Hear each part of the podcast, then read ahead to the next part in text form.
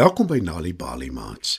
Vanaand se storie is Prins Suiker en Aletta die bakker. En dis geskryf deur Ayande Glatshwayo. Skuif dit nader en spits julle oortjies. Daar was eendag 'n prins met die naam Suiker. Prins Suiker het sy naam gekry omdat hy so dol was oor soetgoed. Koeke, klein koekies, sterte, oliebolle, puddings, noem maar op. Maar hy het geweier om enige van die soetgebak met die kinders op sy dorp te deel. Daarvoor was hy heeltemal te selfsugtig. Niemand kry enige van my gebak nie. Nie 'n sny koek of 'n klein koekie nie, net mooi niks nie. Is dit duidelik, Martha? Dis alles net myne. Sê prins Suiker vir die koninklike bakker Martha. En sy moet noodgedwonge instem. Maar toe op 'n dag daag daar 'n geheimsinnige nuwe bakker op. En sy deel snye koek en klein koekies uit aan die kinders op die dorp. Toe prins Suiker daarvan te hore kom, is hy woedend en hy stuur sy wagte om die bakker in hegtenis te neem en na hom toe te bring. Hoe durf jy net op my dorp opdaag en soetgebak begin uitdeel aan die kinders? Dis teen die wet. Vaar prins Suiker uit teen die nuwe bakker. Ek is jammer, prins.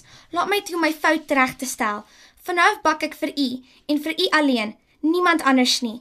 Ek sal elke dag vir u nuwe lekkernye bak, maar omdat elkeen van hulle spesiaal sal wees, sal u elke dag die hele lekkerny moet opeet. Sê die bakker. Sy stel haarself dan ook voor as Aletta. Geen probleem nie. Ek sal elke dag maklik die hele lekkerny wat jy vir my bak kan opeet. Beloof die gulsige prins Suiker. Nou goed dan. Ek begin môreoggend bak. Antwoord Aletta. En sy glimlag geheimsinnig, so al asof sy iets weet wat die prins nie weet nie. En soos beloof, ontvang die prins die volgende dag 'n allerheerlike gebak. Hy verslind dit gulsig in 'n kwessie van 'n paar minute. En elke dag daarna bak Aletta nog iets heerlik vir prins Suiker om te eet. Soos wat die dae verbygaan, word die gebak al lekkerder en lekkerder en al groter en groter. Prins Suiker eet met gemak alles op wat Aletta vir hom bak. Daar is koeke, klein koekies en terte. Hy eet alles sonder om enige iets met die inwoners van sy dorp te deel. Nie een enkele kind kry eers een klein stukkie daarvan nie. Maar toe die gebak mettertyd al groter en groter word, vind prins Suiker dat hy nie meer soos aan die begin alles kan opeet nie. Dus begin hy wat oorbly weg te steek met die hoop dat Aletta nie uitvind dat hy hulle ooreenkoms verbreek nie. Maar na 'n paar weke is sy wegsteekplek so oorvol dat daar nie eens meer plek is vir 'n krummel nie. Dis toe dat die prins die koninklike bakker Martha asook al sy ander dienaars ontbied. Môreoggend vroeg moet julle die gebak alles weggooi. Maar julle moet seker maak dat Aletta julle nie sien nie. Beveel die prins. En dit is dan ook wat sy dienaars die volgende oggend doen. Hulle dra vroeg vroeg al die oorskiet gebak na die bos agter die paleis toe om dit daar weg te gooi. Maar toe gebeur daar 'n vreemde ding. Gedurende die nag verskyn alles wat die oggend weggegooi is op 'n geheimsinnige manier weer in die paleis. En die volgende oggend toe Aletta opdaag met haar vars gebak, sien sy dit en sy eis om dadelik met prins Suiker te praat. Ai tog, prins, het u nou waarlik gedink dat u my lekkerny sommer net kan laat weggooi? Het ons dan nie 'n ooreenkoms dat u elke dag alles sal opeet nie? Ek het u heel aan die begin gewaarsku dat my lekkerny spesiaal is en dat u alles moet opeet. Wat het geword van die belofte? Raas Aletta vies. Prins Suiker raak nou effens bang. Hy voel hoe sy maag begin draai, maar hy eet toe maar al die oorskiet gebak, as ook die lekkerny wat Aletta die dag gebring het. Ek geniet nie meer jou gebak nie, Aletta. Ek is jammer. Sê prins Suiker die volgende dag vir Aletta, toe sy weer 'n soet lekkerny vir hom bring. 'n Belofte is 'n belofte, prins. Herinner Aletta hom.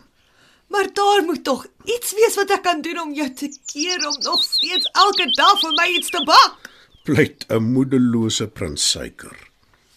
U word prins suiker genoem, juis omdat u so lief is vir soetgoed. En tog word al die kinders in die koninkryk verbied om enige soetgoed te eet. Hulle het geen benul hoe so 'n lekkerny smaak nie. Dis moet u alles opeet. U het geen ander keuse nie, nie totdat die kinders se monde soet is nie. Antwoord Aletta. En daarmee verlaat sy die paleis nadat sy 'n besondere groot roomkoek voor die prins neergesit het. Die prins staar in afgryse na die koek. Hy dink en hy dink oor wat om nou te doen staan. Hy verstaan glad nie wat Aletta bedoel het met haar aanmerking dat die kinders se monde eers soet moet word voordat hy kan ophou om haar gebak te eet nie. Hoe is dit moontlik as hy die enigste een in die koninkryk is wat toegelaat word om soetgoed te eet? Die prins besluit om in die paleis se tuin te gaan rondstap. Miskien help dit hom om 'n antwoord te vind. Prins Suiker loop nog so in gedagte in die tuin toe daar skielik 'n sokkerbal oor die muur gevlieg kom en in die bosse voor hom beland. En oomblikke daarna verskyn daar 'n klein seentjie. Hy klim hastig oor die muur op soek na sy bal. Maar toe hy prins Suiker sien, val hy amper om so groot skrik hy. Jy wegheid. Ek is so jammer. Ek, ek kom net my bal soek. Dis al uh, regtig. Stamel die verskrikte kind. Maar prins Suiker se gedagtes is steeds by sy probleem hoe om van Aletta se gebak ontslae te raak. Hy's glad nie kwaad nie. Hy draai na die seentjie toe en sê: Voordat jy jou bal kry, antwoord my net een vraag. Wat sal jou mond soet maak, seun? Ai, dis maklik. Ai, dinge wat van suiker gemaak word, u hoogheid. Ai, Koeke en klein koekies, al die dinge wat ons kinders nie mag eet nie. Antwoord die klein seentjie huiwerig. En hy lyk so hartseer dat die prins dadelik skaam kry. Hy besef vir die heel eerste keer hoe selfsugtig hy nog 'n hele tyd was om die kinders in sy koninkryk te verbied om enige soetgoed te eet terwyl hy die een lekkerny na die ander verslind. En nou het hy die punt bereik waar hy dit glad nie meer geniet nie. Waar hy 'n uitweg soek om juis nie meer soetgebak te eet nie en dit terwyl die kinders vir 'n lang, lang tyd nie toegelaat is om iets lekker te eet nie. Hy draai om en stap vinnig terug paleis toe. En hy ontbied Aletta. Aletta, ek was selfsugtig. Baie selfsugtig. Ek wil graag 'n partytjie hou vir die kinders, sommer vir al die mense in die koninkryk. En ek wil hê jy moet vir hulle lekker nye bak soos net jy kan. En van vandag af mag enige iemand soetgoed eet, net soveel as wat hulle wil. sê hy. Aletta glimlag. Met die grootste plesier, prins. Antwoord Aletta en sy begin bak. Sy bak die lekkerste en mooiste koeke, klein koekies en terte ooit. En toe sy klaar is, smil almal daaraan. Hulle eet totdat hulle nie meer kan nie. Die volgende oggend is Aletta skoonveld. Sy het soos 'n groot speld verdwyn.